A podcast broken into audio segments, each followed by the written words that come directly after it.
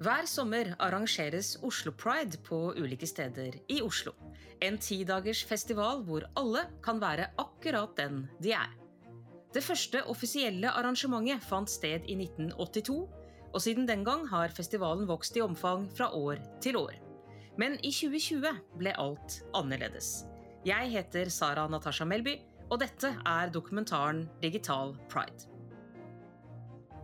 Oslo Pride omfatter seminarer, foredrag, debatter, konserter og fester, med Pride-paraden som det største enkeltarrangementet.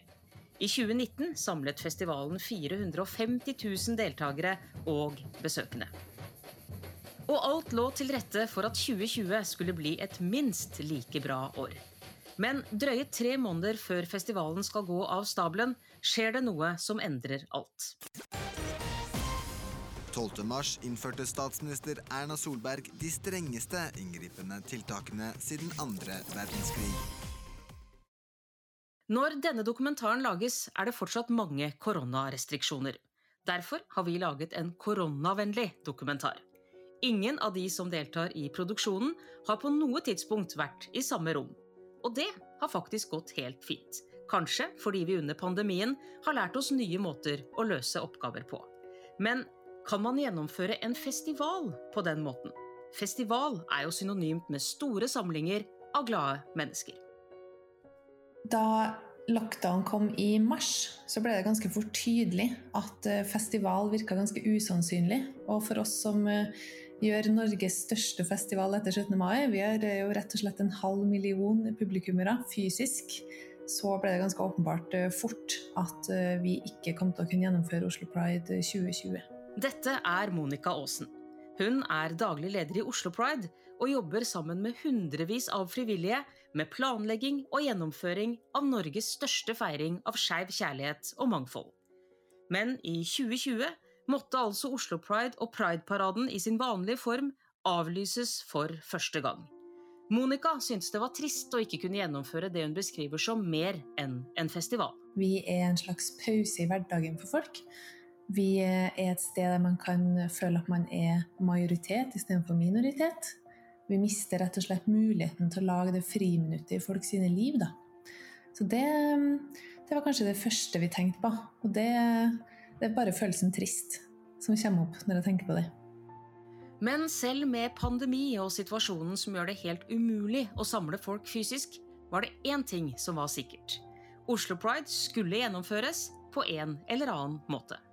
Oslo Pride vurderte aldri å avlyse konseptet pride. Og det er jo litt fordi det har vi ikke heller mandat til å gjøre. Når man lager festival eller samlinger eller markeringer som representerer mer enn f.eks. en musikksjanger eller en type kultur, vi representerer en bevegelse sånn som vi gjør, i hvert fall deler av bevegelsen, så er det ikke egentlig helt opp til oss å skulle avlyst alt heller. Så det var aldri noe tvil for vår del om at vi skulle lage noe, men bare ikke fysisk festival. Dermed startet arbeidet med det som skulle bli tidenes første digitale Oslo Pride. Vi har jo festival i juni, og da bør alle planene våre være klare til mars. Og det var de jo, men så måtte vi avlyse. Den 2. april så avlyste vi jo all fysisk aktivitet for festivalen. Og da måtte vi jo se på hva vi har planlagt, hva som kan overføres til det digitale. Hva som kan komprimeres, og hvor lenge, ikke minst, er det sånn at folk orker å se på. Det er jo et stort spørsmål. Ja, det var noen store spørsmål underveis, og uansett hvor godt de planla, var det ting de ikke kunne rå over. Den største utfordringa var jo egentlig samfunnet i seg sjøl. At vi var så prega av noe vi aldri har vært med på. Eh, I hvert fall ikke i min 33 eh, år lange levetid så har jeg vært i noe pandemiaktig situasjon. Vi måtte hele tida omstille oss etter nye regler og nye krav. Og så så vi på eh, fram mot juni som en umulighet å arrangere noe, men så åpna det seg litt opp sant, mot sommeren. Og da hadde vi mulighet til å gjøre en produksjon. Så mye av utfordringa vår lå i hvordan skal vi få til å gjennomføre selv en la oss kalle en TV-produksjon med færrest mulig mennesker, samtidig som man da inkluderer flest mulig mennesker fra organisasjonen, som i vårt tilfelle er basert på frivillighet. Vi er jo 300 frivillige og en administrativt ansatt gjeng. Og til sammen så utgjør jo det mange, mange flere enn vi kunne ha vært i produksjon i 2020.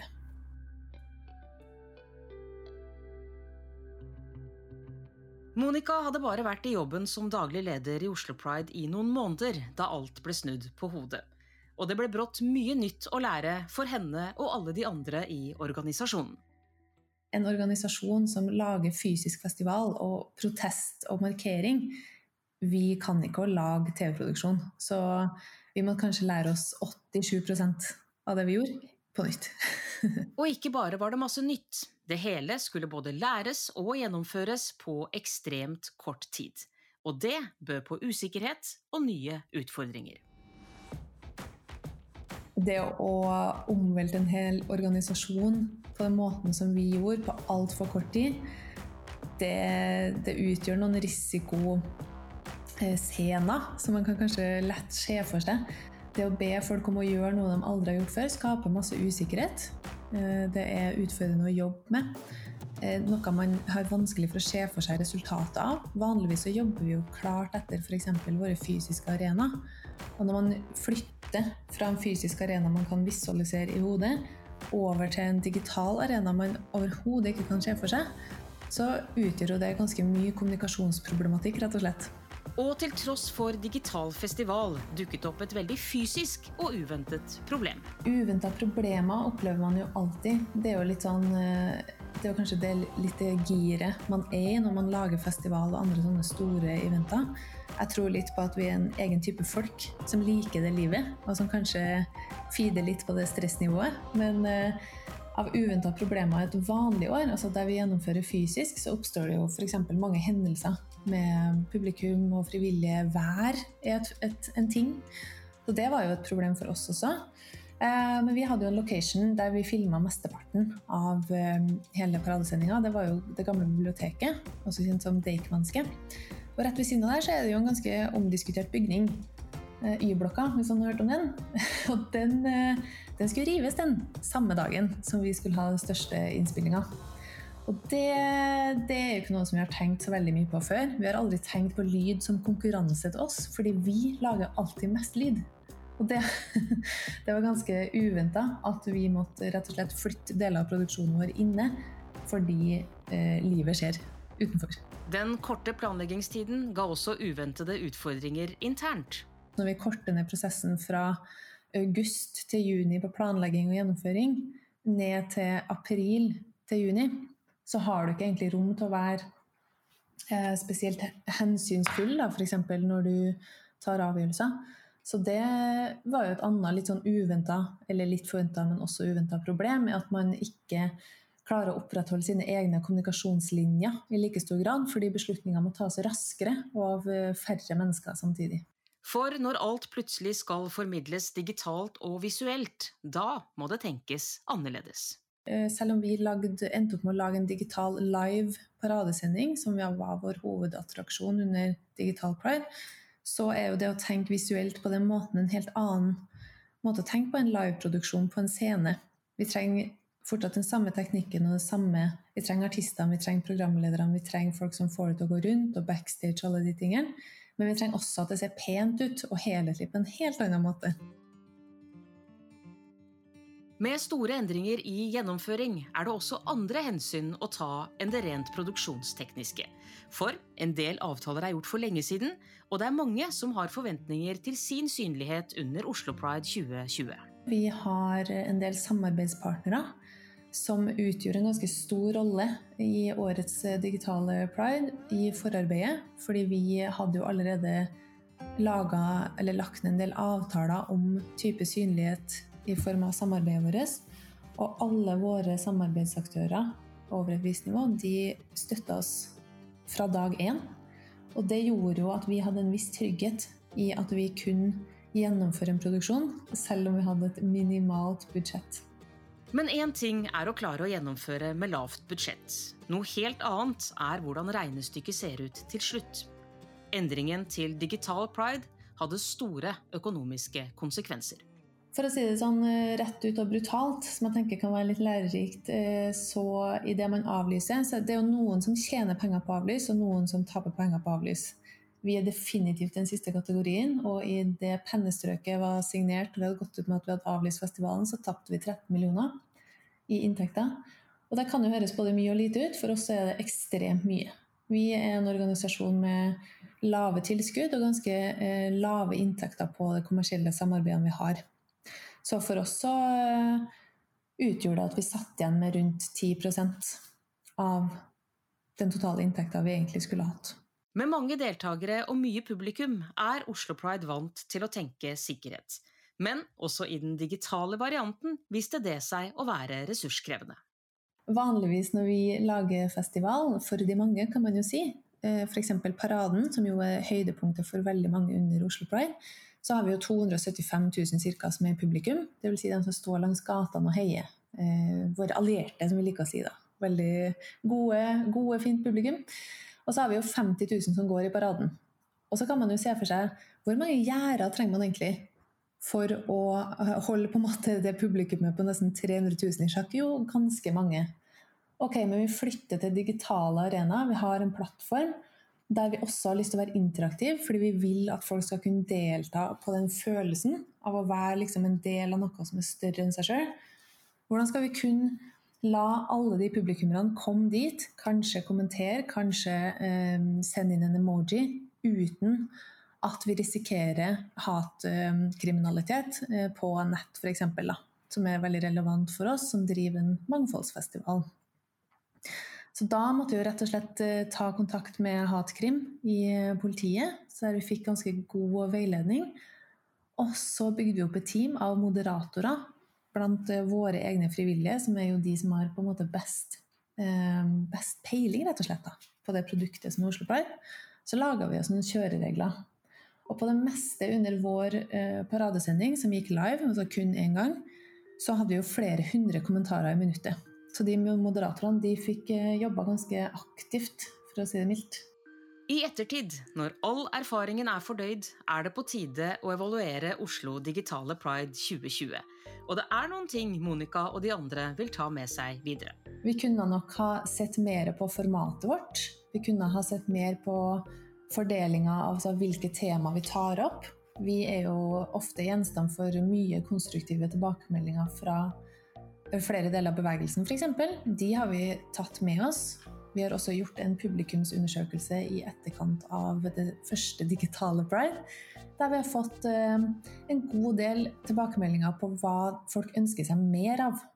Og det, det syns vi er veldig interessant. Det som vi gjorde nå med den livesendinga vår, var jo at vi tok på en måte de forskjellige arenaene. Vi har jo vanligvis en arena på Youngstorget, som er den mest politiske delen av festivalen. Og så har vi jo mer sånn festen nede i Pride Park. Og nå tok vi og kjørte det litt sammen. Og hadde både intervjuer og Grand Prix og musikkinnslag og drag litt sånn side om side. Og det tror jeg at folk likte i veldig stor grad. Samtidig så ønsker vi nok, både vi og publikum, at vi skal ha mer plass til mer politikk, f.eks. Men alt i alt er de mer enn godt fornøyd med gjennomføringen. Vi hadde aldri laga TV før. Vi har aldri vært spesielt uh, ut der på de digitale flatene. Vi hadde satt oss en slags sånn indre motivasjon, mange av oss som jobba med Oslo Pride 2020, på at vi håpa på at 10 000 skulle se på paradesendinga vår. Det offisielle tallet som vi har gått ut med, er 150 000. Og det tallet er jo egentlig ganske mye lavere enn den forventa virkeligheten. Vi bare liker å holde oss litt sånn nøktern. Eh, selv om vi er en gigafest og ofte liker å skryte av oss sjøl, så er det Jeg må si at det at vi klarte å samle Eh, nesten like mange som vi ville ha gjort fysisk. På en helt ny plattform, på en egen plattform. Kun én gang, kun live, med unike seere. Det er, jeg er fryktelig imponert ennå. Så jeg vil si at det gikk veldig bra. Det er jo vanskelig å snakke på vegne av alle i en så stor organisasjon. Jeg tror veldig mange er veldig fornøyd med at vi klarte å skape et fellesskap rundt eh, Oslo Pride, som er jo målet i seg sjøl når vi lager festivalen og jobber med det vi gjør. Vi klarte å lage et produkt som folk samla seg rundt. Vi fikk eh, bilder av folk som satt rundt omkring i hele Norge og andre steder i verden. Vi hadde en helt åpen link. Som satt sammen og kosa seg i parken, som tok en øl, som tok selfies, hadde på seg eh, regnbue og glitterting. Vi klarte å skape følelsen av å være en del av noe som er større enn deg sjøl. Og det, det går ikke an å slå. Det er helt fantastisk. Og Monica Aasen tror tidenes første digitale Oslo Pride vil sette sitt preg på festivalen i fremtiden. for mange som jobber med pride-arrangement, så er man jo veldig vant til å snu seg. Eh, ikke etter vinden, for det er ikke det vi driver med. Men vi er vant til å tilpasse oss og være dynamisk i hvordan vi jobber med formidlinga vår. Og det vi har lært i år, er at vi har kjempepotensial på digitale flater. Ikke bare fordi vi kan nå ut bredere og enda mer internasjonalt, men også fordi det er ganske mange mennesker som ikke har mulighet til å delta på eh, våre arrangement og andre pride-arrangement. Og det er jo veldig mange årsaker til det. Det er jo Kanskje man eh, ikke kan bevege seg eh, fysisk inn på området. Kanskje man ikke har råd til å reise dit. Kanskje man ikke har kommet ut. Det finnes mange, mange forskjellige årsaker. Og de folkene kan vi nå rett i stua med å være digital. Så det har vi tenkt å fortsette med. Og prøve å være mest mulig tilgjengelig. Og når man ser på man ser på andre prides, det var jo mange som gjorde det samme som oss, så eh, er nok tilbakemeldingene som vi snakker med de andre pridesene vi har kontakt med, litt det samme. At man oppleves mer tilgjengelig. Og det tror jeg at alle kommer til å fortsette med i så stor grad som de eh, har kapasitet til. Tusen takk for at du har hørt på denne dokumentaren om Digital Pride 2020. Programleder var Sara Natasha Melby, og gjest var Monica Aasen fra Oslo Pride.